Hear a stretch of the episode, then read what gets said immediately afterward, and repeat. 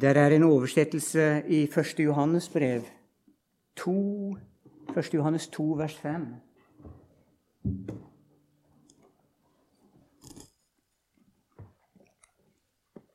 Som er litt klart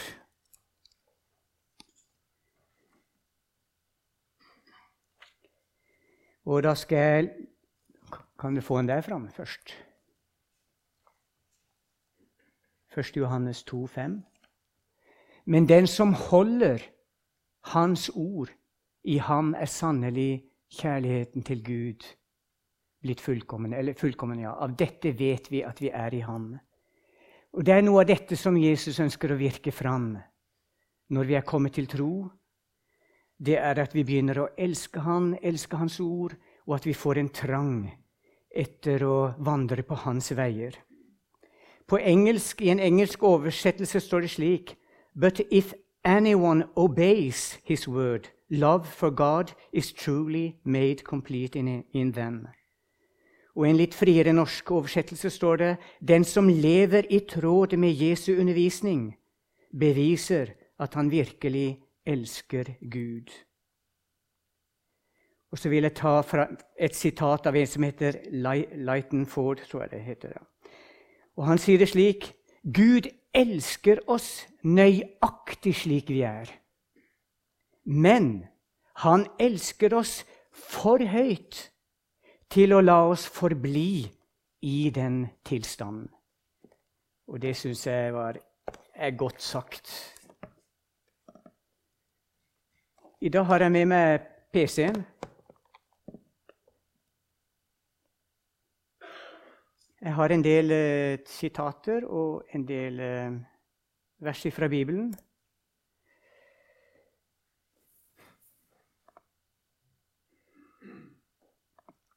Og det går altså på evangeliet er en Guds frelse.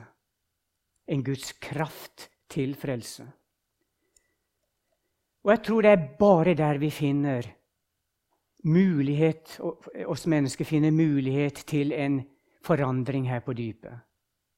Jeg tror ikke den finnes noen andre plasser. Ikke i det politikere holder på med, som kan være godt.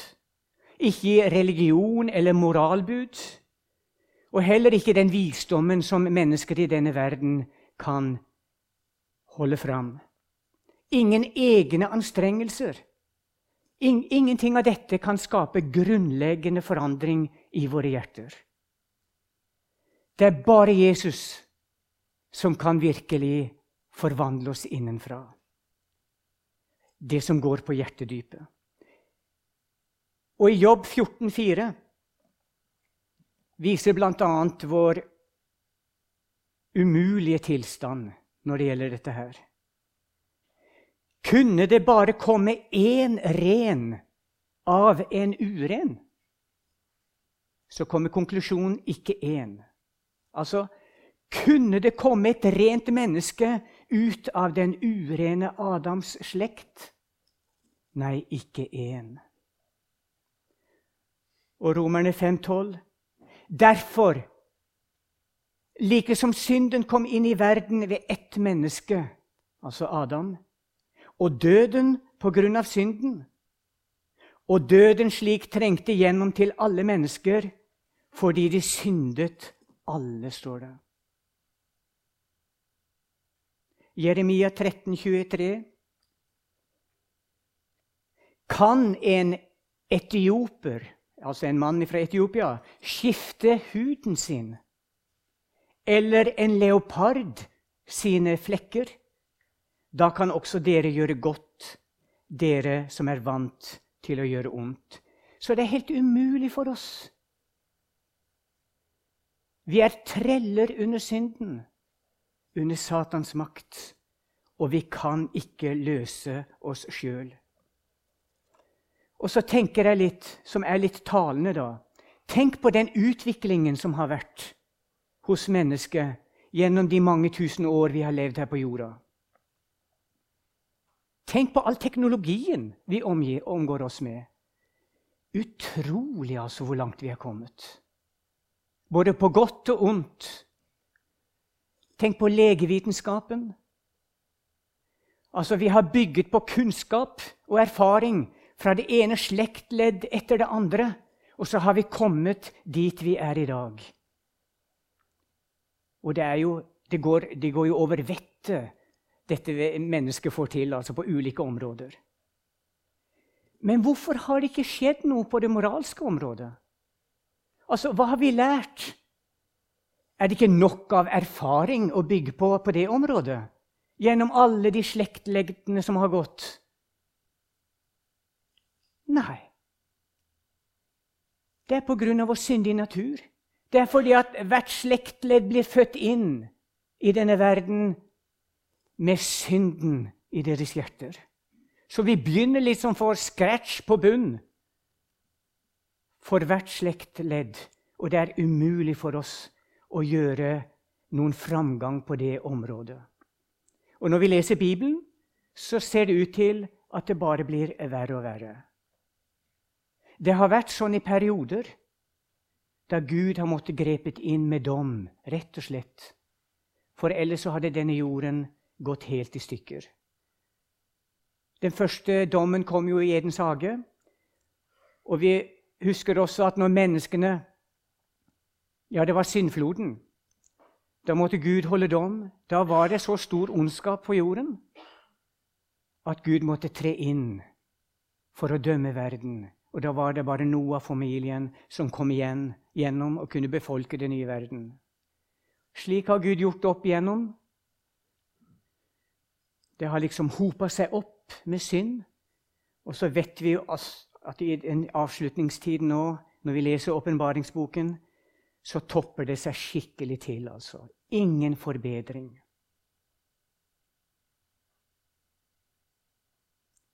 Helt ifra begynnelsen var det slik. Det står i Første Mosebok 4,19 om en som heter Lamek. Første Mosebok, kapittel, ja, et av de første kapitlene der. Lamek, kapittel 4. Lamek tok seg to koner, står det. Den ene heter Ada, den andre heter Silla. Og Ada fødte Jabal. Han ble stamfar til dem som bor i telt og holder budskap. budskap. Hans bror heter Jubal. Han ble stamfar til alle dem som spiller på harpe og fløyte. Og Silla fødte Tubalkain. Han smidde alle slags redskaper av kobber og jern. Og Lamek sa til konene sine, Ada og Silla, hør min røst. Lameks hustruer, lytt til min tale. En mann dreper jeg for hvert sår jeg får. En gutt for hver skramme jeg får. Så sammen med ytre framskritt så var det ingen forandring her på dypet. Da er det godt at vi har fått Bibelen, som er et Guds kjærlighetsbrev til oss. Og den formidler en kjærlighet og en kraft i evangeliet som virkelig kan forvandle oss på innsiden. Så hvis ikke lyset fra evangeliet når det innerste her inne, det som er formørket av synd, så er det ingen mulighet til forandring, og vi går fortapt. Men vi trenger å få et møte med lyset med Jesus. Vi trenger å komme fram i lyset med vårt mørke. Og vi trenger å få del i evangeliet, som kan få begynne å skinne i våre hjerter med sin kraft. I 2. Timoteus 3,14 står det slik, og det er Paulus som formaner Timoteus. Men bli du i det som du har lært, og som du er blitt overbevist om, da du vet hvem du har lært det av, og da du fra barndommen av kjenner de hellige skrifter, som kan gjøre deg vis til frelse ved troen på Kristus Jesus. Og den hele Skrift er innblåst av Gud Gud har blåst Innblåst ordet. Det er skaperord. Det er et virksomt ord. Som han i, begynnelsen gjorde. Han, han talte, og det skjedde. Og han bød, og det sto der. Og slik er det med Bibelens ord. Det er virkekraftig, og det er skarpt. Og det har mulighet til å gjøre noe med oss. Nyttig til lærdom, til overbevisning, til rettledning, og til opptuktelse i rettferdighet. For at det Guds menneske kan være fullkommen, dyktig til all god gjerning. Så det Gud ønsker, det er å gjøre oss til Guds mennesker. Og slik at vi kan få, ved Hans nåde og kraft, gjøre gode gjerninger. Preget av Han.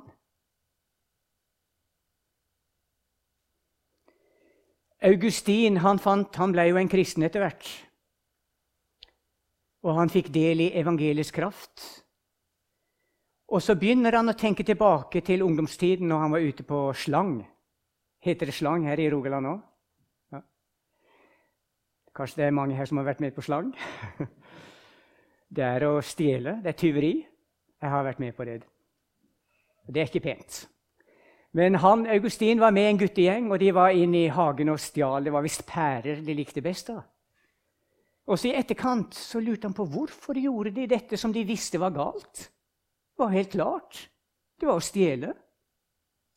Og så sier han det slik Kunne jeg ha lyst til å gjøre det jeg ikke hadde lov til, bare av den grunn at jeg ikke hadde lov til det? Jeg elsket det for tyveriets skyld. Og det er noe sånn med loven som virker, og som fremkaller synden i oss, og som virker vrede og gjør oss opprørske. Sånn er det Guds lov også virker. Og det fikk Paulus erfare. Han sier i Romerne 7,14.: For vi vet at loven er åndelig, jeg derimot er kjødelig, solgt til trell under synden. Og det er derfor det ikke har vært noen utvikling på det området, og heller ikke kan bli. Jeg skjønner ikke det jeg gjør, sier han i vers 15. For det jeg vil, det gjør jeg ikke, men det jeg hater, det gjør jeg. For synden benyttet seg av budet og dåret meg og drepte meg ved det. Det var hans erfaring. Og i Romerne 7,5.: For da vi var i kjødet, ble de syndige lyster vekket ved loven, og de virket slik i våre lemmer at vi bar frukt for døden. En som heter Moshe ben Shmuel, en jøde som vokste opp i Øst-Europa under krigen og hadde ei jødisk mor da, som var veldig from. Hun var en som fulgte de, loviske, de jødiske lo, lovene og budene. Er det noe 613 sånn utenom Bibelen? Eller med Bibelen? Jeg, vet jeg, husker jeg ikke. Men i hvert fall, hele dagen var liksom organisert i dette med å holde budene. Hvilken sko på føttene du skulle ta på først om det var høyre eller venstre, og masse, masse, masse sånne menneskeregler. Og han arvet noe av dette fra moren, denne nidkjærheten. Og så kom jo krigen, og de fikk det veldig tøft. Og etter krigen så kom russerne inn og tok og okkuperte landet. Og han ble sendt til en slags arbeidsleir i Russland og hadde det forferdelig. Lite mat, sprengkaldt. Og han ba inderlig til Gud, utenom disse vanlige daglige bønnene, om at Gud måtte komme inn og løse han ifra dette forferdelige regimet han var under. Og En dag han drev og trilte på etter, hadde noen vogner, så kom han borti en strømledning. Så han for bare inn i snøen og ble helt slått ut. Og da ble det et rop i hans hjerte. Og så ble det slik Gud! Hvorfor har du gitt oss loven, men ingen kraft til å følge dem? Og så kom Jesus til ham, han som ser til hjertene.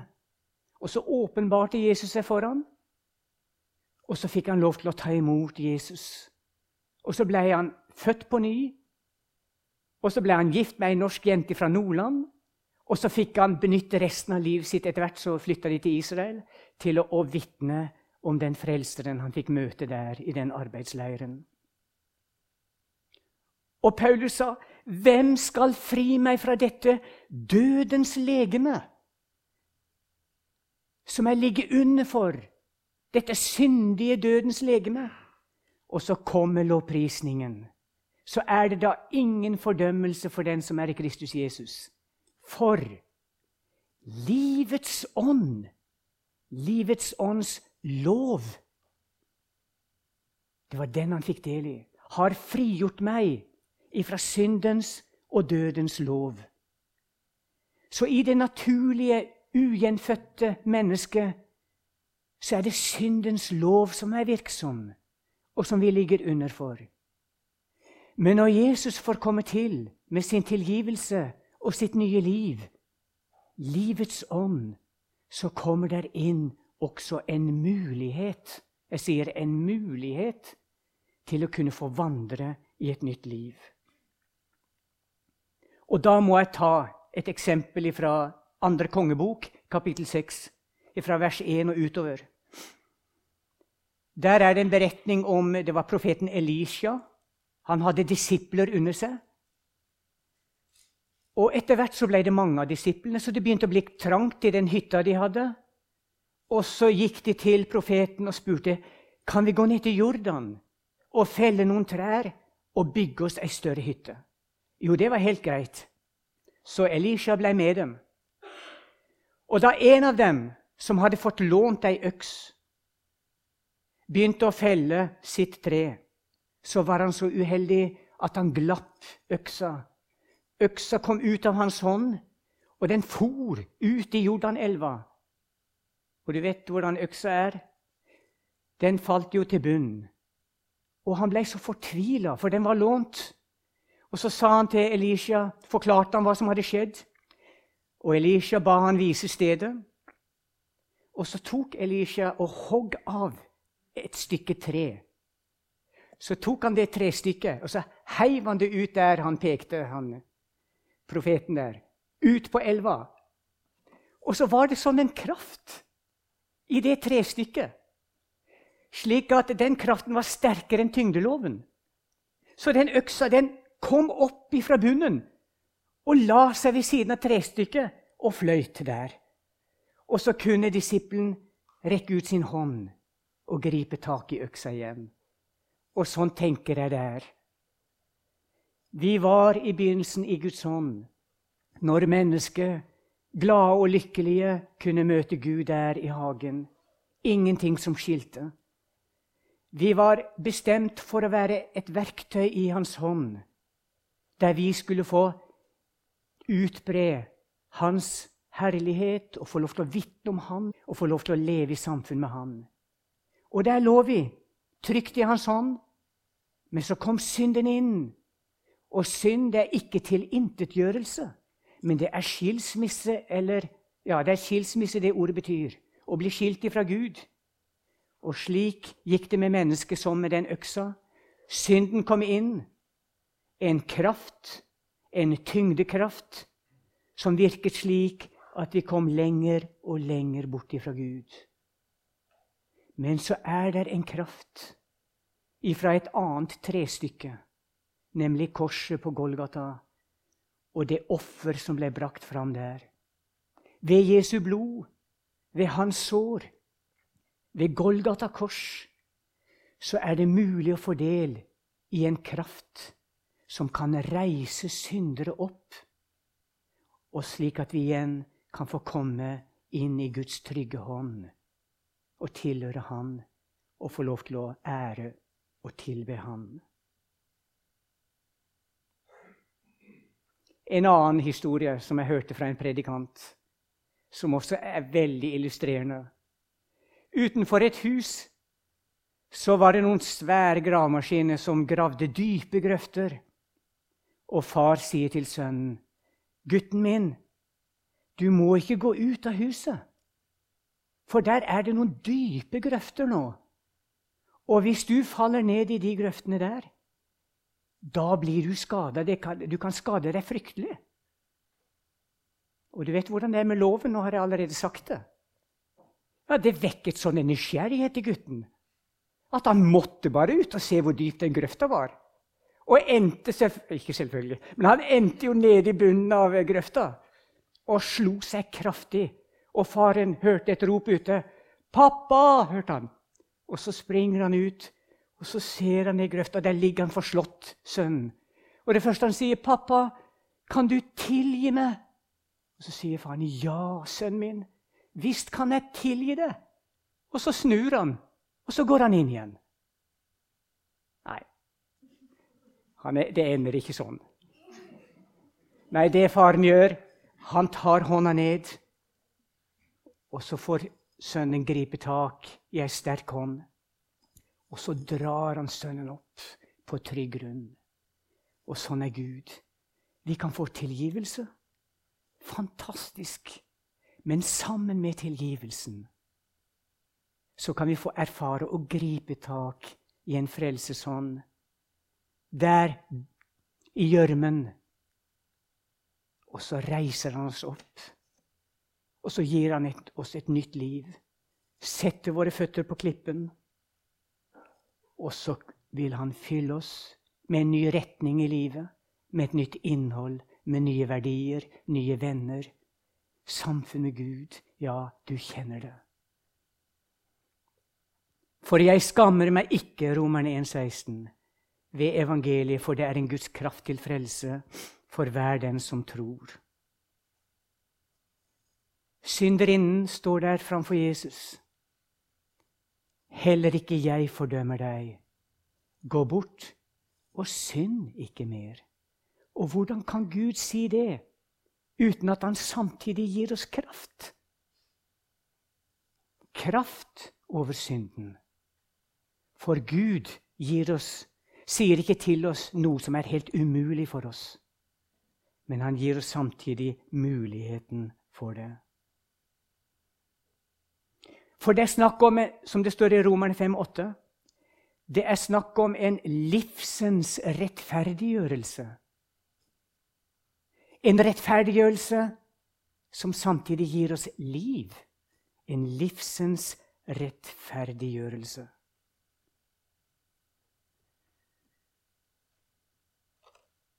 Du husker Sakkeus? Et personlig møte med Jesus. I dag må jeg bli i ditt hus, sa Jesus. Og Sakkeus ble glad. For det lå en lengsel i hans hjerte etter å bli kjent med Jesus. Han inviterer han hjem, og der, i samtale, i møte, så skjer det noe. En erkjennelse av synd hos Sakkeus. Vi kan lese det i Lukas 19, 8. Men Sakkeus sto frem og sa til Herren, Se, Herre, halvdelen av mitt gods gir jeg de fattige, og har jeg presset penger ut av noen, så gir jeg det firdobbelt igjen. Erkjennelse av synd og anger, en omvendelse. Og Jesus sier da, i dag er frelse blitt dette hus til del, ettersom han òg er en Abrahams sønn. For menneskesønnen er kommet for å søke og frelse det som var fortapt. Og vi kjenner til mange beretninger i Bibelen når mennesker får møte lyset i evangeliet, hvordan livet totalt forandres. Paulus på veien til Damaskus. Og når det var nåde for en synder som Paulus, ja, da er det nåde for alle mennesker. Jeg ringte Peter, sønnen min, rett før jeg kom hit, og lurte på om jeg kunne dele hans historie. Nå skulle han jo ha vært her, og så kunne dere hørt det fra hans egen munn. Men Peter er nok den jeg har vært mest bekymra for av våre tre barn. Han er den yngste. Og han eh, ble tidlig hekta på spill. Vi prøvde å sette liksom faste grenser for han. Jeg tror det var i begynnelsen én time etter lekser og sånn.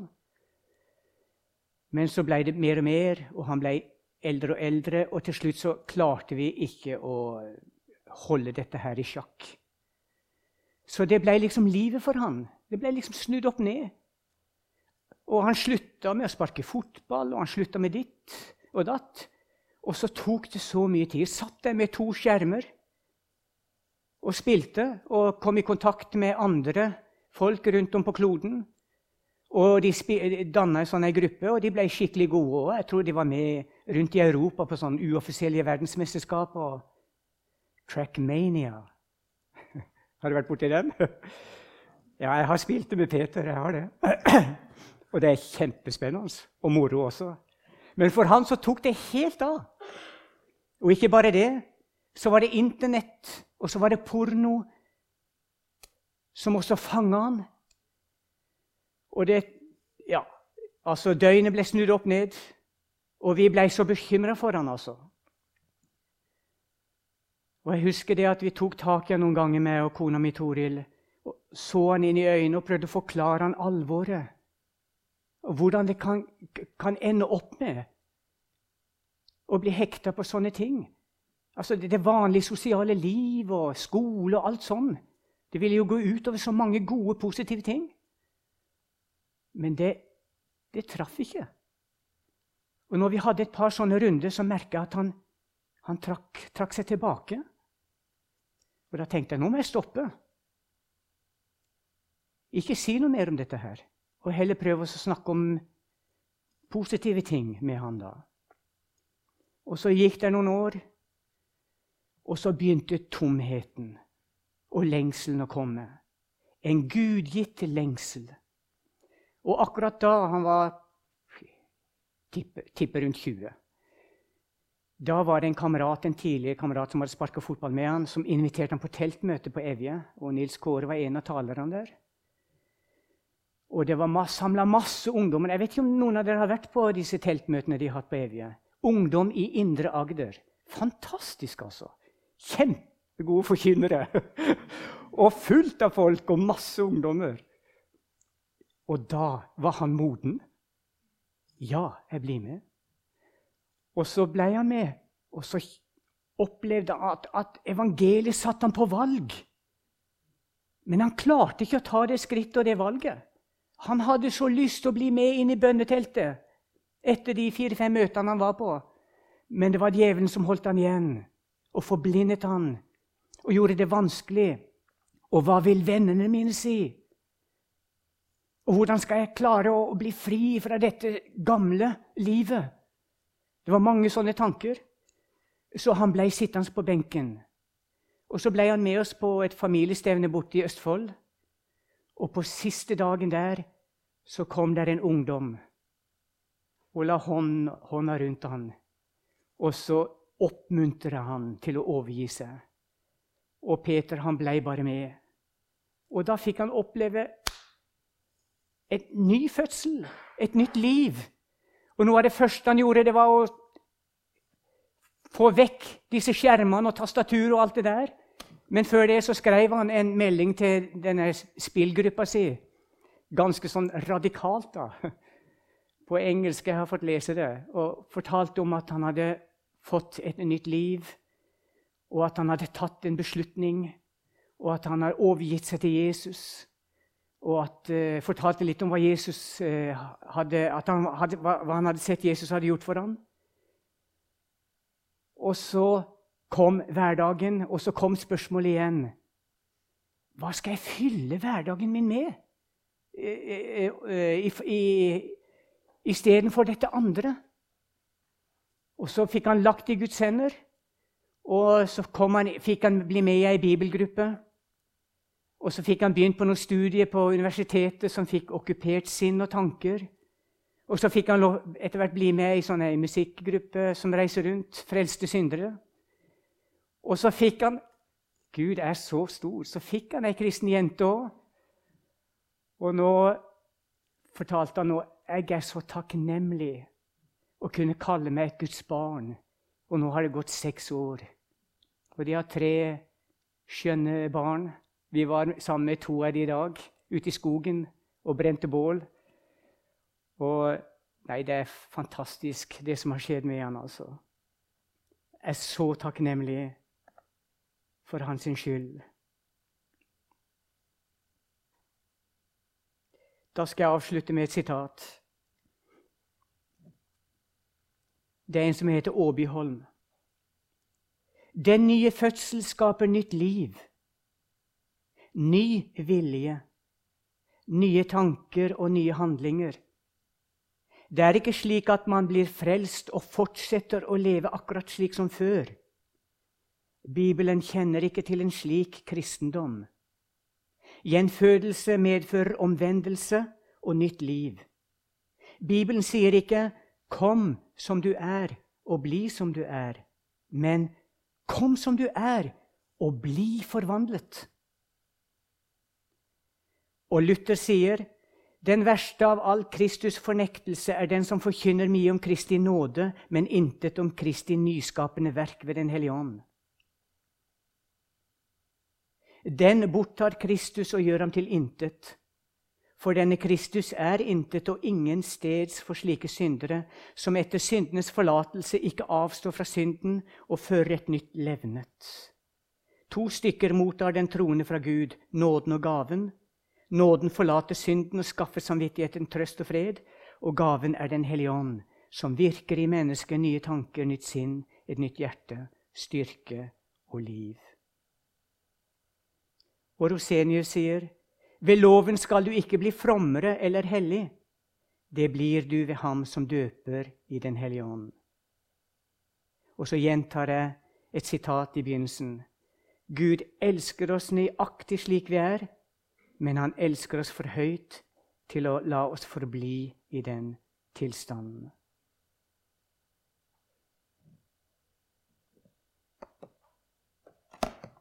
Og så kjenner vi på ting i vårt hjerte. Vi kjenner på gamle syndevaner. Og så tenker vi blir de ikke lei med Gud? For det er liksom sånn at det dropper inn igjen og igjen. Og vi lever i lyset med det. Men det ser ut som de, vi må vente på en forløsning fra det. Jeg har mine ting, og du har kanskje dine, som vi gjentatte ganger strever med. Og da tenker jeg vi må ikke gi opp. Og vi må ikke føle oss fordømt når vi kjenner på denne gamle naturen og kanskje vaner som er vanskelig å komme ut av. Der er håp. La oss sette vår lit til Jesus. Om det så er for n-te gang at vi kommer til Han og bekjenner det, så la oss ikke komme inn under fordømmelse. Men måtte Han gi oss nåde og gi oss tro til å kunne kaste det over på Han og regne med at Han vil komme med hjelpen og utfrielsen. Det er mitt håp. Kjære Jesus. Takk at du ser oss, den enkelte, Herre. Og du ser også vårt gamle liv, ting som vi har holdt på med, som også kan ligge der, Jesus, som en vanskelighet, som noe Satan ofte kan gripe tak i, som noe vi syns vi på en måte ikke helt blir fri, Herre. Men takk at du vil hjelpe oss, kjære Jesus, så vi kan mer og mer ligne deg, Herre. Så vi kan få oppleve at du kommer til med din nåde og forandrer kursen vår, Jesus. Hjelp oss så vi igjen igjen kan gripe din hånd og få oppleve det at du som bor i oss, du er den sterkeste, Herre Jesus. Så ber jeg for den enkelte av oss at vi eh, kan leve der i lyset under din nåde, som også er nåde til seier over synd, Jesus. Må du styrke den enkelte. Amen.